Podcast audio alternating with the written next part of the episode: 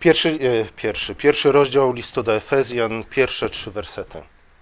Paweł z woli Bożej apostoł Chrystusa Jezusa do świętych, którzy są i do wiernych w Chrystusie Jezusie. Łaska wam i pokój od Boga Ojca naszego i od Pana Jezusa Chrystusa. Niech będzie błogosławiony Bóg i Ojciec Pana naszego Jezusa Chrystusa. On napełnia nas wszystkich, On napełnia nas wszelkim błogosławieństwem duchowym na wyżynach niebieskich w Chrystusie. Najpierw jednak, zanim przejdę do tych trzech y, wersetów rozpoczynających list do Efezjan, krótkie wprowadzenie do całego listu do Efezjan. Ale zaczniemy od Johna Stota. Ktoś z Was zna Johna Stota? Osobiście nie.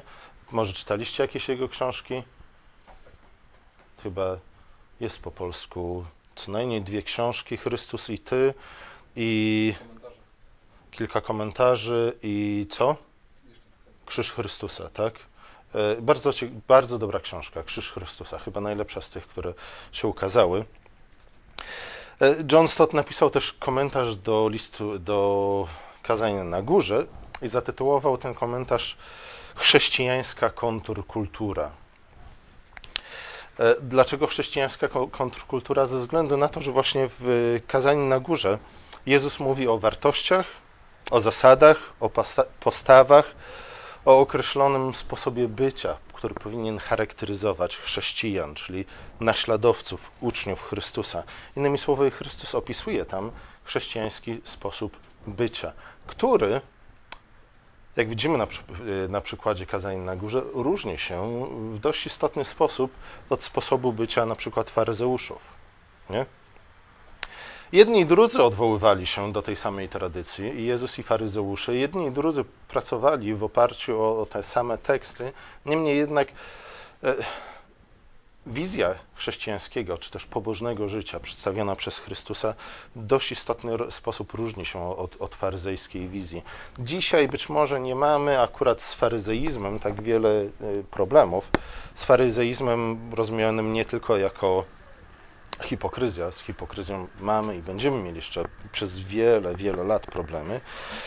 E, dzisiaj, dzisiaj może naszym problemem, nas, Europejczyków dumnych, jest, jest e, coś innego. Nie? Dlatego, że jeśli w czasach Jezusa współzawodniczyły z sobą E, te dwie wizje życia, z jednej strony przedstawione przez Chrystusa, z drugiej strony przedstawione przez, przez faryzeuszy, o tyle dzisiaj e, mamy do czynienia z, z inną parą. Z inną parą y,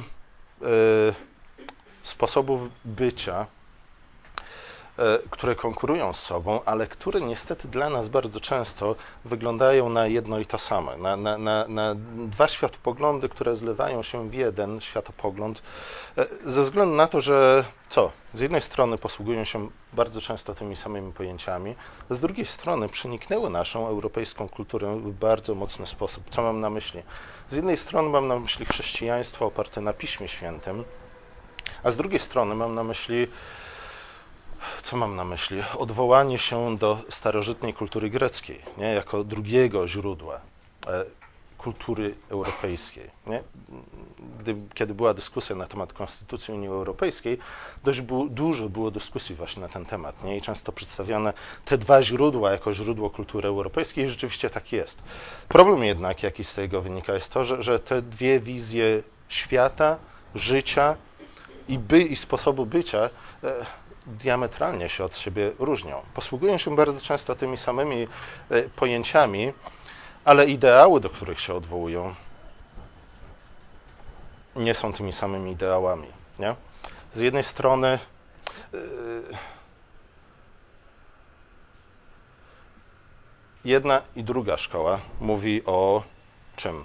Na przykład o sprawiedliwości, mówi o honorze, mówi o bohaterstwie, E, mówi o miłości, ale gdy przyjrzymy się dokładnie tym pojęciom e, i temu, w jaki sposób są zdefiniowane, z jednej strony przez chrześcijaństwo, a z drugiej strony przez e, kulturę antyczną, zobaczymy wielkie, wielkie różnice.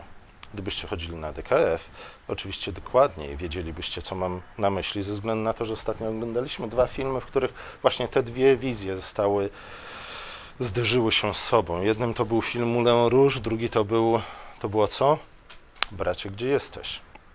Z jednej strony ma, mamy wizję miłości, z drugiej strony mamy obraz ukazujący prawdziwego bohatera.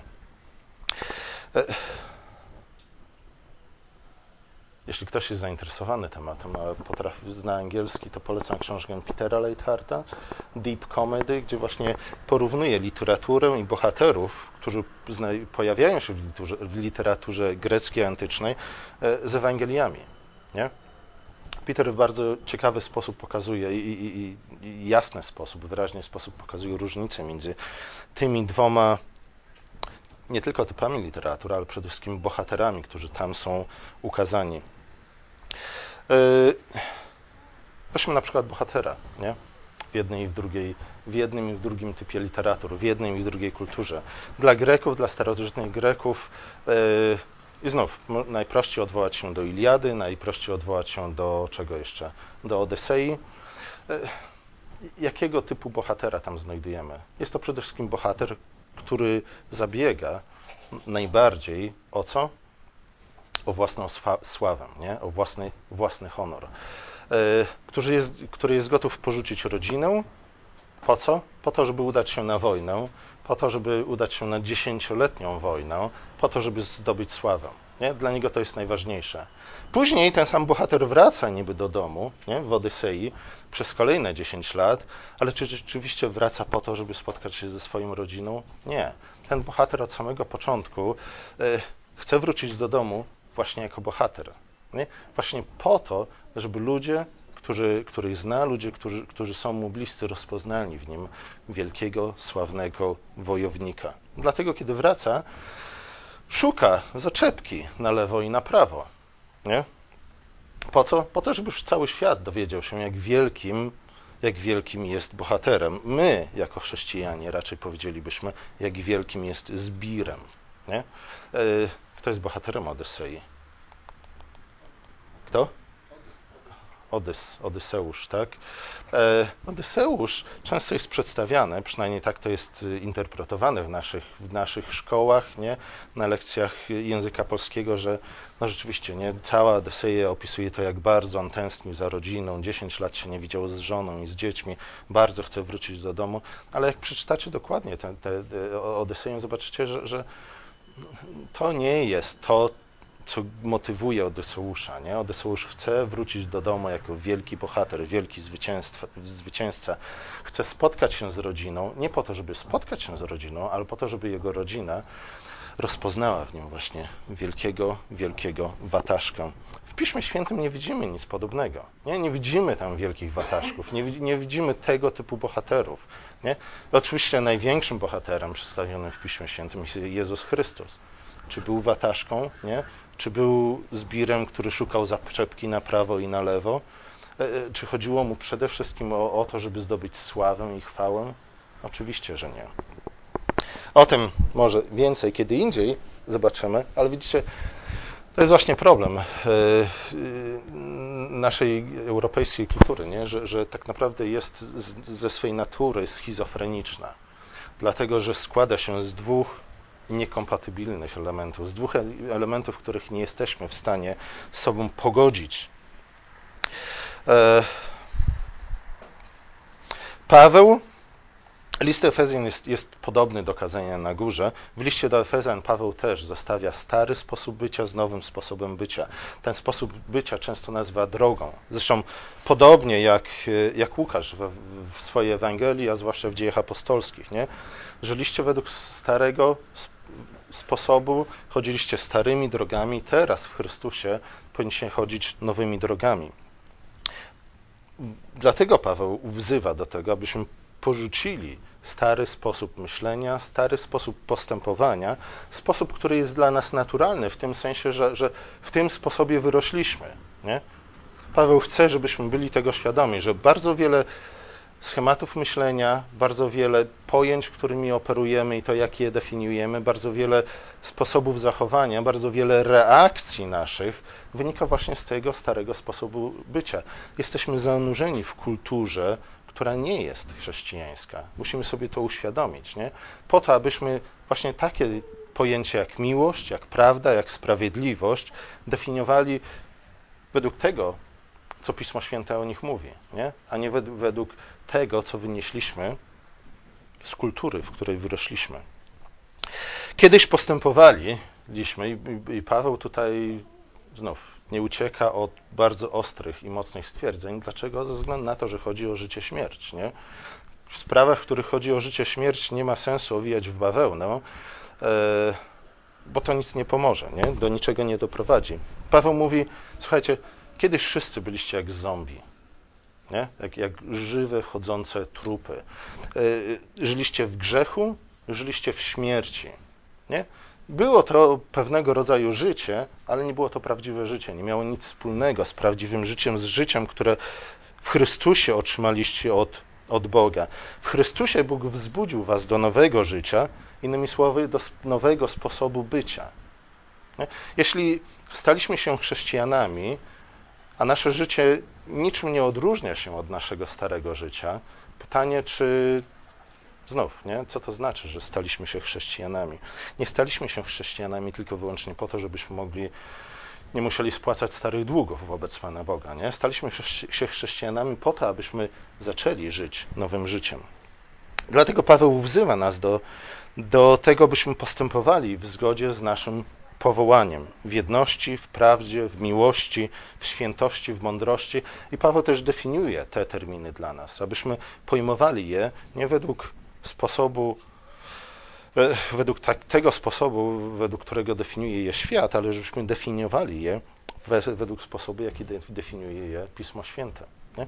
Pismo Święte wyraźnie mówi, iż nie jesteśmy w stanie y, pojąć we właściwy sposób miłości ani sprawiedliwości w oderwaniu od prawa, które Bóg nam dał. Nie? Jeśli odłączymy prawo od miłości albo też prawo od łaski, zniszczymy miłość, zniszczymy łaskę, nadal będziemy posługiwać się tymi słowami, ale one będą znaczyć kompletnie coś innego. Najpierw jednak Paweł chce, abyśmy posiedli wspólne zrozumienie tego, kim jest Bóg, tego, kim jest Chrystus oraz tego, e, jaką rolę Ojciec, Syn i Duch Święty pełnią w historii świata, ale też w historii, e, w naszym życiu. Od tego rozpoczyna swój list. Następnie chce, byśmy mieli wspólnie, wspólne zrozumienie tego, czym jest Kościół. Kościół, który jest ciałem Chrystusa. Nie ma innego Kościoła, nie? Jest tylko jeden Kościół. Ten Kościół jest ciałem Chrystusa. E, chcę, abyśmy zrozumieli, skąd Kościół się wziął, czym jest Kościół, na czym się opiera, z jakich ludzi się składa i też czemu służy, po co jesteśmy w Kościele. Wskazuje przy okazji, że, że, że Kościół jest wspólnotą, opartą nie na więzach krwi, ale na czym? Na więzach wody, jakbyśmy mogli powiedzieć. Przypomina nam po raz kolejny, że woda jest jaka? Gęstsza niż krew. Słyszeliście to? Na pewno słyszeliście, nie? Innymi słowy, chodzi o to, że, że jeśli poprzez wodę jestem związany z Chrystusem, poprzez wodę jestem też związany z innymi członkami ciała Chrystusa, czyli z innymi chrześcijanami, którzy są w Kościele. Oznacza to, że, że te więzi powinny górować nad więzami krwi. Nie? To się zgadza z tym, co Jezus powiedział w, w Ewangeliach. Jeśli kto nie nienawidzi ojca swego i matki mojej, nie? dla mnie, ze względu na mnie, nie, nie jest mnie godzin. To oznacza też to, że w pierwszej kolejności nasza tożsamość jest określona przez chrzest, a w drugiej kolejności dopiero przez przynależność do rodziny takiej czy siakiej, czy też do narodu takiego i siakiego. Nie?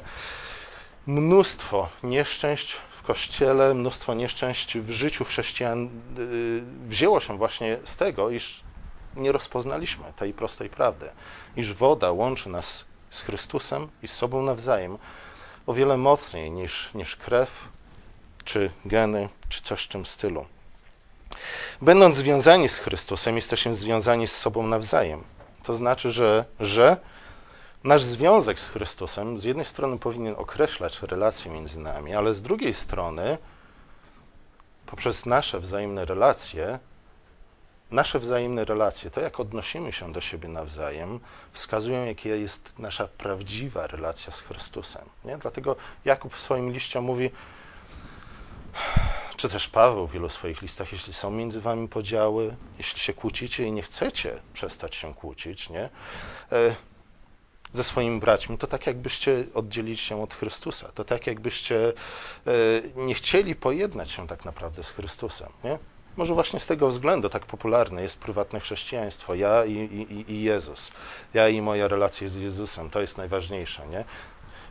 Może dlatego właśnie prywatna pobożność, czy też duchowość, jakkolwiek byśmy tego nie nazwali, e, jest, jest dla nas, stała się dla nas w sposób kompletnie sprzeczny z nauczaniem Pisma Świętego wyznacznikiem tego, jakimi chrześcijanami jesteśmy. Nie? Odrzuc, odrzuciliśmy wspólnotową pobożność Kościoła. Nie? E, o wiele ważniejszy jest dla nas cichy czas, który spędzimy z, z Panem Bogiem, niż czas, który spędzimy na nabożeństwie z, z Kościołem Chrystusa, z Jego ciałem. Nie? To też jest wyznacznikiem, wyznacznikiem tego, jak, jak bardzo pogmatwane jest nasze myślenie, jak wciąż wiele jest starego sposobu myślenia w naszych głowach. Ech.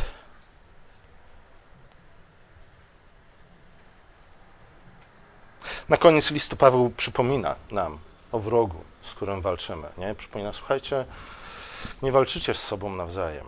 Nie? Kościele. Nie o to chodzi. Bóg Chrystus nie zebrał was do Kościoła, nie uczynił was częścią swojego ciała, częściami swojego ciała po to, żebyście mogli się nawzajem kąsać i pożerać. Nie? Waszym prawdziwym wrogiem jest szatan. Waszym prawdziwym wrogiem są demony. Z nimi przede wszystkim powinniście walczyć. Ale jeśli nie będziecie z nimi walczyć, nie? Jeśli, jeśli nie będzie kierunek waszego ataku nie będzie skierowany na zewnątrz, nie? na prawdziwego wroga, Niestety, nie, w tym momencie skupicie się na swoich wewnętrznych problemach i zaczniecie toczyć wojny między sobą. Dzisiaj zajmiemy się tylko trzema pierwszymi wersetami listu do, do Efezjan. E, często, często kiedyś, kiedyś słyszałem serię kazań z listu do Efezjan i kaznodzieja kompletnie pominął nie? te dwa pierwsze wersety. Trzecim się zajął, ale dwa pierwsze wersety całkowicie pominął, bo stwierdził, no to jest po prostu zwykłe pozdrowienie. Ale zwróćcie uwagę na to, nie? Jeśli, jeśli pozdrowienie jest dla nas tylko zwykłym pozdrowieniem, czyli czymś, co nie niesie z sobą żadnej treści, czymś, co nic nie komunikuje, to tu widzimy, pojawia się pierwszy problem. Nie? Ze względu na to, że, że nie. Zobaczcie, w Piśmie Świętym ludzie się non-stop pozdrawiają. Na dodatek pozdrawiają się w określony sposób. To, w jaki sposób ja pozdrawiam innych ludzi, nie wskazuje na to, jak ja ich traktuję. Nie? To jest ten pierwszy wskaźnik tego, jak ja traktuję bliźniego, z którym się spotykam. To, jak go pozdrawiam i to, czy w ogóle go pozdrawiam. Nie? Pozdrowienie, nawet zwykła cześć, powinno nieść z sobą pewną treść. Jeśli nie niesie z sobą pewną treścią, jest zaprzeczeniem nie? pozdrowienia. Pozdrowienie zawsze jest życzeniem pokoju, pozdrowienie zawsze jest okazaniem radości z tego, że spotykam drugą osobę. E, nie? Tym bardziej powinno to dotyczyć pozdrowień wymienianych między chrześcijanami, bo gdy spotykam drugiego chrześcijanina, w nim spotykam się z Chrystusem. To, w jaki sposób zwracamy się do ludzi, bardzo wiele mówi na temat tego, e, co nas z nimi łączy i to, w jaki sposób ich traktujemy. Co na przykład znaczy, że nie każdą osobę może powinniśmy pozdrawiać słowem cześć. Nie? To może oznaczać, że niektóre osoby zasługują na, na innego rodzaju pozdrowienie. Nie? W pozdrowieniach rozpoznajemy to, z kim mamy do czynienia i okazujemy to, w jaki sposób traktujemy tych ludzi. Ja już nie będę mówił o tym, jeśli chrześcijanie w ogóle nie chcą się pozdrawiać, nie? co to z kolei znaczy. E, mówiąc w trochę radykalny sposób, moglibyśmy stwierdzić, że jeśli nie pozdrawiamy siebie nawzajem jako chrześcijanie, to to znaczy, że co? Nie chcemy pozdrowić Chrystusa, Chrystusa, którego spotykamy w drugiej osobie. Nie, oczywiście już na pewno nie muszę mówić o tym, że, że postawa typu a nie, nie pozdrowię go, czy nie pozdrowię jej, dopóki on, ona mnie nie pozdrowi, nie? to z chrześcijaństwem nie ma absolutnie nic wspólnego. Później Paweł przedstawia się jako apostoł. Słowa apostoł y, normalnie oznacza po prostu posłańca, albo przedstawiciela, albo herolda. W Nowym Testamencie jednak jest używany też w szczególny sposób jako termin techniczny, jako nazwa własna na określenie dwunastu apostołów, którzy posiadali szczególny autorytet. Nie? Paweł wspomina później o tym w drugim rozdziale, mówiąc o tym, że, że Chrystus założył Kościół na apostołach i prorokach. Nie? Ci ludzie byli szczególni. W tym sensie nie mamy dzisiaj do czynienia z żadnymi apostołami. Nie? Możemy oczywiście od, używać tej nazwy w odniesieniu do różnych ludzi, na przykład do misjonarzy, którzy jeżdżą gdzieś tam na front walczyć z demonami, y, ale w tym szczególnym znaczeniu nie ma apostołów. Nie? Apostołowie to była ta dwunastka plus Paweł, na których Chrystus założył swój Kościół. Powołał ich do szczególnego zadania. Nie? Zadania, które wypełniło się między zesłaniem Ducha Świętego a zniszczeniem świątyni w 70 roku. Paweł wyjaśnia, dlaczego zasługuje na miano apostoła w drugim liście do Koryntian w szczegółowy sposób, dlaczego to jest ważne, że Paweł przedstawia się jako apostoł. Ze względu na autorytet, jaki wiąże się z urzędem apostoła. Nie? Ze względu na to, że Paweł jest apostołem, dlatego Efezjanie, a my za nimi powinniśmy przyjąć jego słowo jako słowo Boże. Następnie Paweł określa adresatów listu mianem świętych. My jako protestanci nie lubimy tego słowa, e, tylko Bóg jest święty, często słyszymy, nie? E, mówimy raczej Augustyn z Hipony zamiast święty Augustyn, nie? Twierdząc, że a między ludźmi nie ma żadnych świętych, nie powinniśmy nikogo wyróżniać. Paweł jednak cały Kościół w Efezie nazywa świętymi. Nie? Kościół, w którym pewnie byli ludzie, którzy, którzy z naszego punktu widzenia w ogóle nie zasługiwali na to miano. Ale widzicie, to jest kolejny przykład tego, e, jak przyjęliśmy niebiblijną e, definicję słowa święty. Nie? Co oznaczało słowo święty? Kim byli święci? Kto zasługiwał na miano świętego, na przykład w Starym Testamencie? Arcykapłan, cherubowie i serafowie nie? zasługiwali w Starym Testamencie na miano świętych. Dlaczego? Ze względu na to, że tylko oni mieli prawo bezpośredniego dostępu do tronu Boga. Nie tylko ci, którzy mogą przystąpić do tronu Boga, zasługują na miano świętego. W Starym Testamencie były co prawda różne stopnie świętości, od arcykapłana przez kapłanów, lewitów nie? I, i, i lud izraelski, ale zobaczcie, że, że to stopniowanie świętości było związane między, nie tylko między innymi, w zasadzie tylko i wyłącznie, w zależności od tego, jak bardzo ci ludzie mogli zbliżyć się do Arki Przymierza, która była tronem Boga na ziemi. Dlatego też dla Żydów określenie, to określenie, to pozdrowienie, czy też określenie, które Paweł używa w stosunku do, do kościoła w Efezie, do chrześcijan w Efezie, nazywając ich wszystkich świętymi, dla Żydów było to strasznie obraźliwe określenie, nie?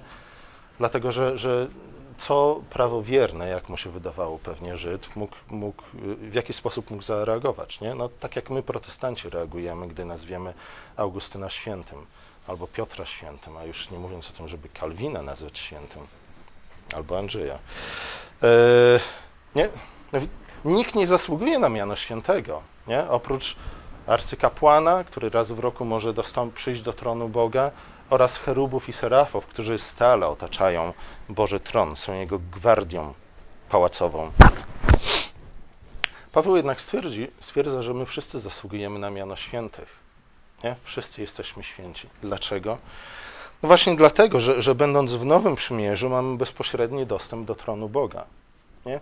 Coś, co pod Starym Przymierzem w ogóle nie funkcjonowało. Znów arcykapłan raz w roku mógł przyjść, podejść do tronu Bożego. My mamy ten dostęp w Chrystusie. Później wyjaśnię, nie, jakie jest tego znaczenie, bo, bo póki co to pewnie brzmi dość abstrakcyjnie, co z tego, że mamy dostęp do tronu Boga, e, ale to jest właśnie z tego powodu Paweł nazywany jest świętymi, bo w Chrystusie mamy bezpośredni dostęp do tronu Boga, do tronu łaski. E, I dlatego jesteśmy świętymi. Nie? To znaczy, że, że wszelka inna świętość, jak na przykład posłuszeństwo prawu, wynika z tego faktu, iż mamy dostęp bezpośredni do tronu Boga. Święte, czyli sprawiedliwe postępowanie, wynika z faktu, czy też powinna wynika, powinno wynikać fakt, z faktu, że, je, że jesteśmy święci, a więc mamy otwarty dostęp do tronu Boga. Bóg otworzył nam ten dostęp do swojego tronu przez Chrystusa na krzyżu. Nie? Wcześniej toczyliśmy wojnę z Bogiem, którą zresztą my wypowiedzieliśmy. Bóg się na nas gniewał. Teraz jednak w Chrystusie mamy otwarty dostęp do, do tronu Bożego. Nie zasłużyliśmy sobie na to. Jest to dar łaski. Nie kupiliśmy sobie go dobrymi uczynkami.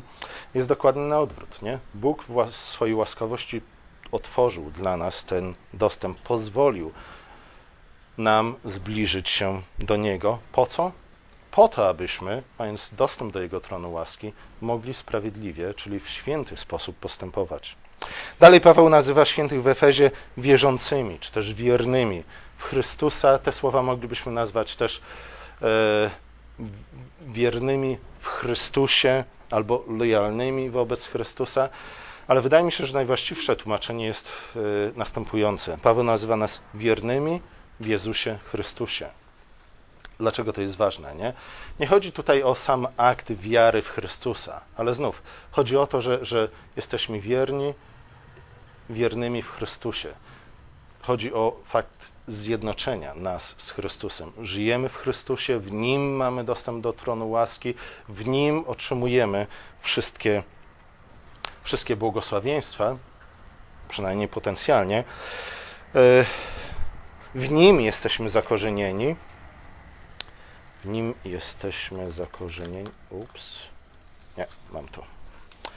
W Nim chodzimy, w Nim wzrastamy. Zwróćcie uwagę na to, jak bardzo często Paweł w liście do Efezjan używa tej fazy, frazy nie? Na, na określenie tego, kim jesteśmy i, i, i jaka jest nasza tożsamość. Nasza tożsamość wynika z tego, że jesteśmy w Chrystusie. Co to oznacza, że jesteśmy w Chrystusie? Znów, by lepiej to zrozumieć, musimy odwołać się do Starego Testamentu, e, kiedy lud Boży żył w ziemi obiecanej. To ziemia obiecana była, stanowiła środowisko dla ludu Bożego w Starym Testamencie, w Starym Przymierzu. W niej lud był zakorzeniony, w niej się poruszał, w niej wzrastał, w niej miał dostęp do Boga. E, ona była źródłem błogosławieństw. Poprzez zakorzenienie w ziemi obiecanej Bóg błogosławił swojemu ludowi. Bardzo wyraźnie jest to w, w tych wszystkich opisach, z jednej strony zapowiedziach, z drugiej strony opisach zajęcia ziemi obiecanej. Nie? Jest to ziemia płynąca mlekiem i miodem. Jest to ziemia, w której rośnie rosną wyborne winogrona, z których można zrobić bardzo smaczne wino. Nie? To wszystko było źródłem błogosławieństwa, czy też było znakiem tego, że Bóg poprzez zakorzenienie w ziemi obiecanej błogosławi swojemu ludowi. W Nowym Przymierzu, co jest naszą ziemią obiecaną? Wielu chrześcijan, kierując się niebiblijnym kompletnie sentymentalizmem, e, udaje się dokąd? Do Izraela, nie? Trzeba pojechać do Jerozolimy, bo tam Bóg, dopiero tam naprawdę zbliżymy się do Pana Boga, nie? Ta ziemia jest wciąż dla nas ziemią, ziemią obiecaną, ale nie, Nowy Testament wyraźnie mówi o tym, że, że naszą ziemią obiecaną jest ciało Chrystusa. Nie? W nie jesteśmy wszczępieni, w nim powinniśmy wzrastać. Ono jest źródłem wszelkich naszych, naszych błogosławieństw. Ale czym jest ciało Chrystusa? Ciałem Chrystusa jest Kościół. Nie? Wyraźnie mówi o tym cały Nowy Testament. E, dlatego tak często czytamy w listach Pawła o tym, że zostaliśmy wszczepieni w Chrystusa, czy też w Jego ciała. Zostaliśmy zjednoczeni z Nim, e, w Nim żyjemy. Być w Chrystusie, innymi słowy, być częścią Jego ciała, być częścią Kościoła, oznacza mieszkać w ziemi świętej. Ja wiem, że jeśli utożsamimy ziemię świętą, czy też ziemię obiecaną z Kościołem, to ta Ziemia Święta nie wygląda tak, jakbyśmy chcieli, nie? No ale podobnie było z, z, ziemią, z ziemią obiecaną, do, do której wprowadził i, i Izraela Jozue. Nie? Zobaczcie, że, że ta ziemia obiecana nie, niekoniecznie wszystkim jawiła się jako prawdziwa ziemia obiecana. Nie? Tę ziemię obiecaną, która nie jawiła się jako prawdziwa ziemia obiecana, można było zająć tylko i wyłącznie poprzez wiarę, nie? wierząc w Boże obietnice, wierząc w to, że jeśli będziemy żyć w tej ziemi obiecanej, Bóg będzie nam błogosławił i ta ziemia obiecana będzie stawała się nawet w naszych oczach coraz bardziej obiecana, będzie coraz bardziej zbliżona e, z tym wyobrażeniem ziemi obiecanej, jaką posiadamy. Podobnie jest z Kościołem. Nie? Jak przypomina Księga Ród, porzucenie ziemi obiecanej równa się przekleństwu. Na pewno czytaliście Księgę Ród, pamiętacie z grubsza historię opowiedzianą tam. E, Elimelech udał się do Moabu ze względu na to, że, że w Betlejem, w którym żył, Betlejem to dom chleba, zabrakło chleba. Nie? I Elimelech w tym momencie, kiedy ziemia obiecana przestała wyglądać w jego oczach jako prawdziwa ziemia, ziemia obiecana, zaczął szukać tej ziemi obiecanej gdzie indziej. Udał się do Moabu. Nie, więc udał się nie po to, żeby tam głosić Ewangelię, ale po to, żeby tam zamieszkać. Pomyślał, nie, ta ziemia obiecana, którą dał nam Pan Bóg, to chyba nie jest prawdziwa ziemia obiecana. Nie podoba mi się ta ziemia obiecana. Udam się gdzie indziej, by szukać dla siebie prawdziwej ziemi obiecanej. Udał się do Moabu. I co się stało? Umarł on, umarło dwóch jego synów, nie? jego żona, Noemi, w którymś momencie stwierdziła: Nie nazywajcie mnie już Noemi, ale nazywajcie mnie Maria. Wiecie, co to znaczy Maria? Znaczy zgorzknienie albo gorycz. Nie? Dlaczego tak powiedziała? Bo mój mąż zabrał mnie do tej nowej, lepszej ziemi obiecanej. Opuściliśmy ziemię obiecaną, którą dał nam Pan Bóg, i co nas tam spotkało? Nie? Podobna historia jak, jak z Lotem. Lot opuścił Abrahama, opuścił góry, w których mieszkał Abraham. Gdzie się udał? Udał się w okolice Jordanu, w okolice miasta Jericho, Sodomy i Gomory, dlatego że one wydawały się w jego oczach jak ogród pański, jak ogród Eden. Pamiętamy, jak skończyła się ta historia.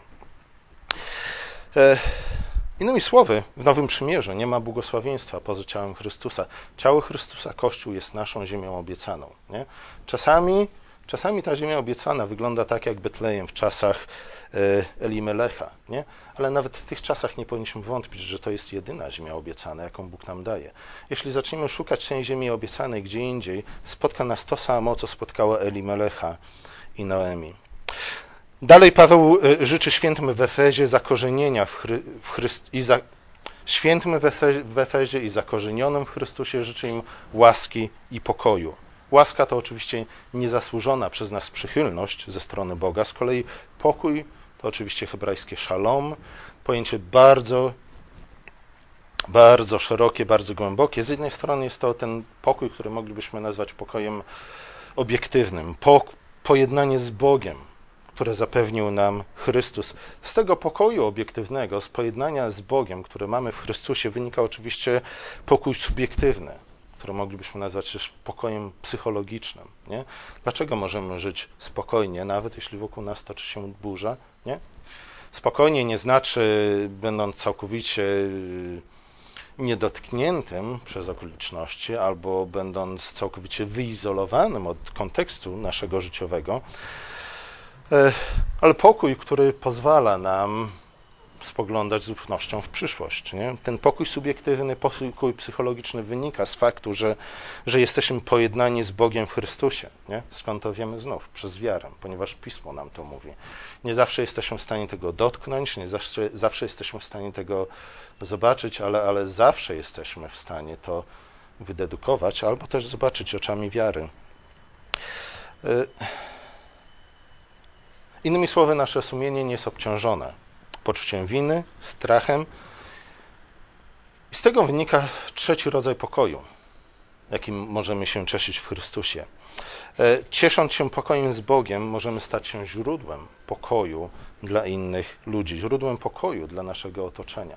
Możemy wprowadzać pokój, nie? możemy być czynicielami pokoju, tymi, o których mówił Jezus w błogosławieństwach w kazaniu na górze. Biblia mówi, że Bóg obdarza swoich wiernych y, także pokojem z ich wrogami. Nie? Jeśli żyjemy w pojednaniu z Bogiem, jeśli żyjemy w pokoju z Bogiem, jeśli, jeśli żyjemy w sposób, który podoba się Panu Bogu, Pismo Święte obiecuje, że Bóg będzie jednał nas ze swoimi wrogami. Na przykład Psalm 23 mówi o tym.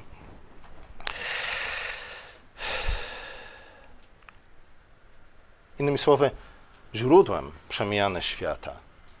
Jeśli chcemy, żeby świat stał się lepszym miejscem, nie? źródłem tej przemiany jest nasz pokój z Bogiem, który otrzymaliśmy w Chrystusie, ale jest też pokój, którym my obdzielamy ten świat. Na koniec Paweł stwierdza, że łaska i pokój są darami Boga i Ojca, Pana naszego Jezusa Chrystusa. Y, te słowa stanowią punkt wyjścia do modlitwy. Ta modlitwa rozpoczyna się w trzecim wersecie pierwszego rozdziału.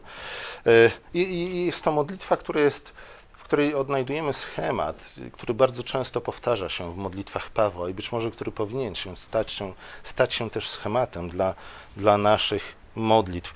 Przede wszystkim Paweł wielbi Boga Ojca i Jezusa Chrystusa za dzieło zbawienia i za, za posłanie Ducha Świętego. Modlitwa rozpoczyna się od słów błogosławiony niech będzie Bóg Ojciec i tak dalej, i tak dalej. E, co to znaczy błogosławić Boga? Nie? W jaki sposób błogosławimy Boga i dlaczego w ogóle błogosławimy Boga? Błogosławieństwo w Piśmie Świętym e, zawiera znów trzy aspekty. Po pierwsze dziękczynienie, po drugie wychwalanie, czy też sławienie Boga i po trzecie obdarowanie. Nie? Jeśli komuś błogosławimy, obdarowujemy.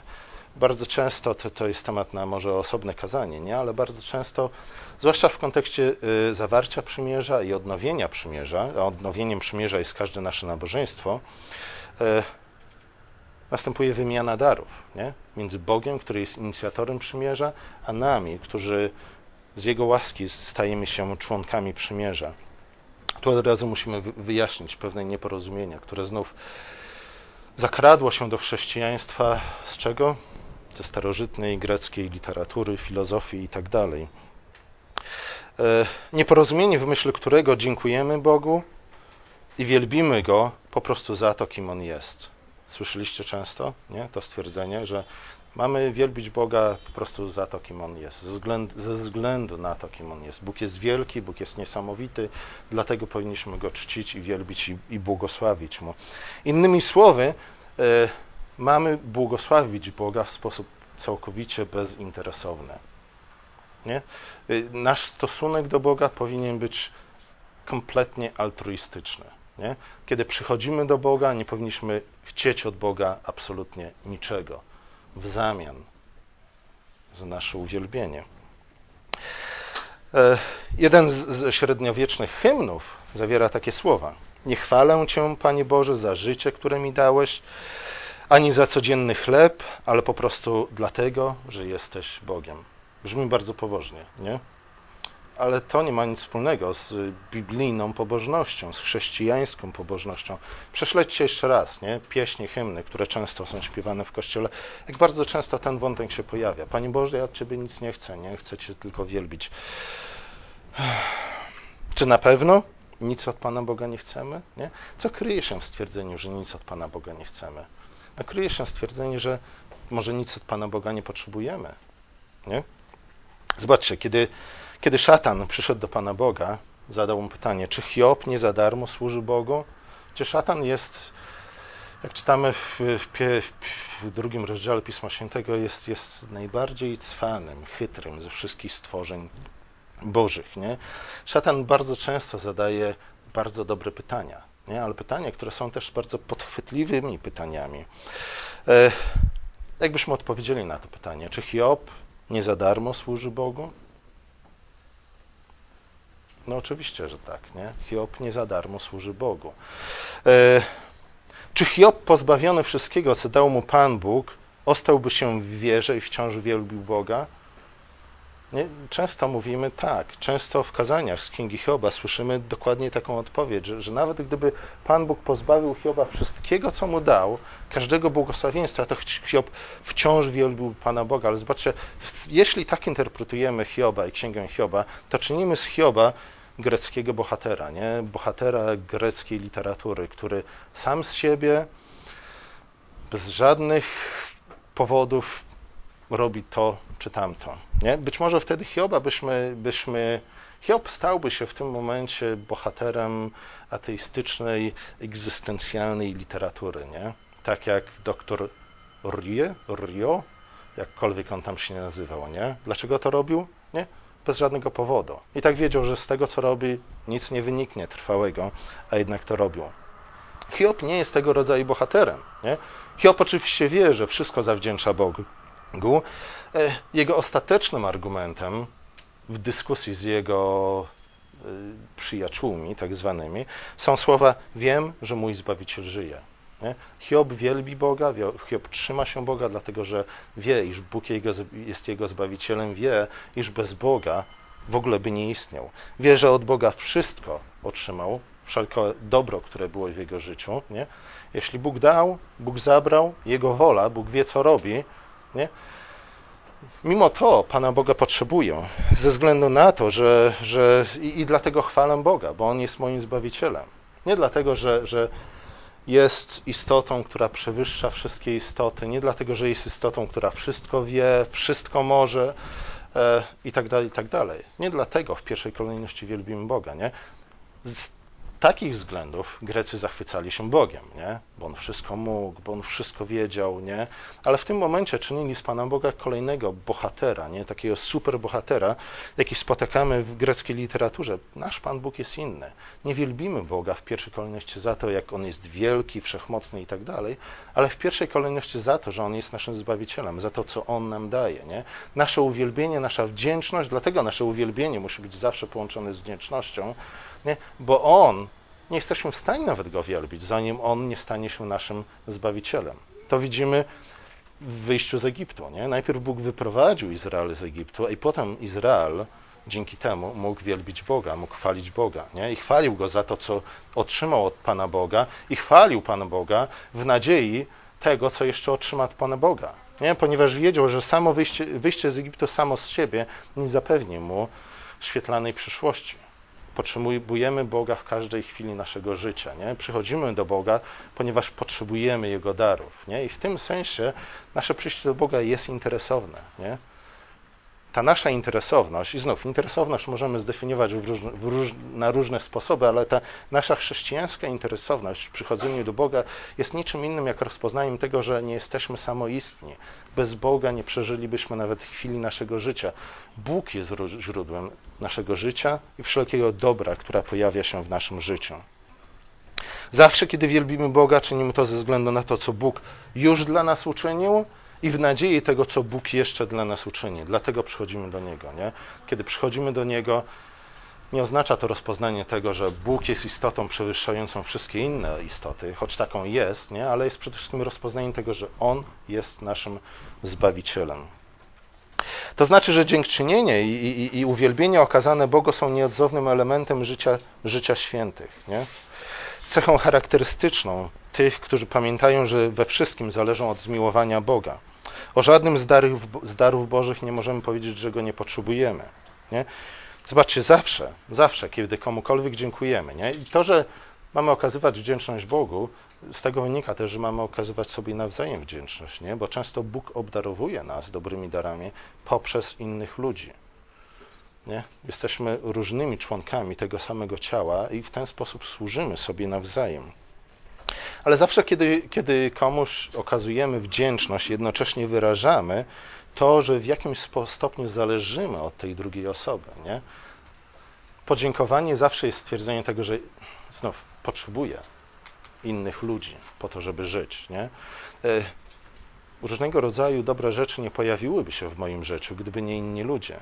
Innymi, innymi słowy, jest to rozpoznanie tego, że zależą nie tylko od Pana Boga, ale zależą też od innych ludzi. Może dlatego tak rzadko dziękujemy. Nie chcemy być zależni od innych ludzi. Nie? Naszym ideałem jest niezależność. Nie? Chcemy tak urządzić swoje rzeczy, żeby nie zależeć od nikogo. Nie? Ale jeśli rzeczywiście do tego dążymy, to znów podążamy za pogańskimi ideałami, a nie za biblijnymi ideałami. Czasami wręcz dobroć i pomoc okazana nam przez innych może wzbudzić w nas resentyment, nie? Czyli, czyli jakiś gorzki żal i, i wręcz niechęć do tej drugiej osoby, ze względu na to, że każdy dar, który otrzymujemy, przypomina nam o tym, że, że zależymy od innych ludzi, nie? od ludzi, od których może niekoniecznie chcielibyśmy e, zależeć. Znów, można było opowiedzieć wiele historii prawdziwych z życia, kiedy dokładnie to się wydarzyło. Nie? Ludzie, którym dany Kościół pomógł w bardzo istotny sposób nie? E, przejść przez kryzys finansowy, czy inny, czy małżeński, często tacy ludzie w bardzo krótkim czasie odchodzą od tego Kościoła. Dlaczego? Nie?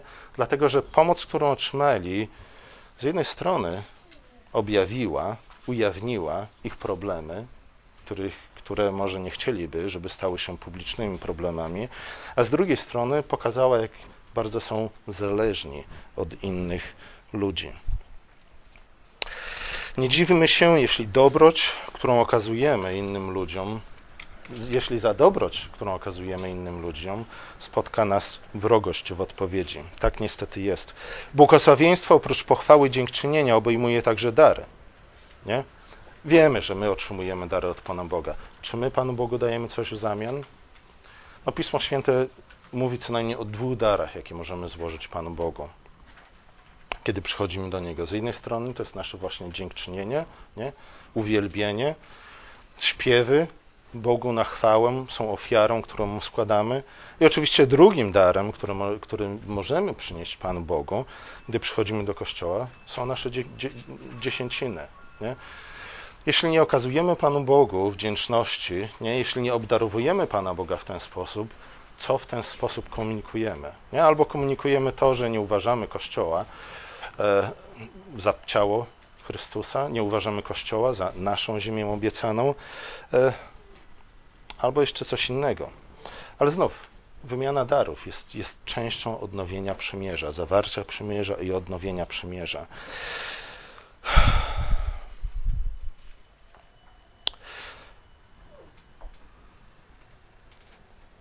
Dobra, powinienem kończyć na tym. Puenta jest następująca. Tych trzech pierwszych wersetów listu do Efezjan. Jesteśmy zbawieni z łaski, uwierzyliśmy Ewangelii, ponieważ Bóg posłał do nas tych, którzy ją zwiastowali. Nie jesteśmy pojednani z Chrystusem. Poprzez Ewangelię mamy dostęp do Niego i dlatego jesteśmy świętymi. Nie? Bycie świętymi oznacza dostęp bezpośredni do tronu Bożej łaski. Bóg obdarza nas pokojem. Bóg to obdarza nas sprawiedliwością, po to, abyśmy my sami stali się źródłem pokoju i sprawiedliwości. Gdy przychodzimy do Boga, następuje wymiana darów. Nie? Bóg obdarowuje nas tym, co potrzebujemy do życia. My też odpowiadamy darami, które Mu składamy. Jesteśmy święci i mamy dostęp do Boga, ponieważ Bóg usprawiedliwił nas w Chrystusie. Możemy być, a w zasadzie powinniśmy być, ze względu na błogosławieństwo, które otrzymujemy od Pana Boga, błogosławieństwem dla innych ludzi. Nie? Przede wszystkim błogosławieństwem dla tych, którzy są, tak jak my, częścią Kościoła. E, możemy być źródłem tego błogosławieństwa, dlatego że Bóg w Chrystusie obdarzył nas wszelkim błogosławieństwem niebios. Jeśli tak rzeczywiście jest, jeśli jesteśmy zbawieni z łaski, jeżeli żyjemy w łasce, to wynika z tego, że mamy też żyć w łasce. Nie?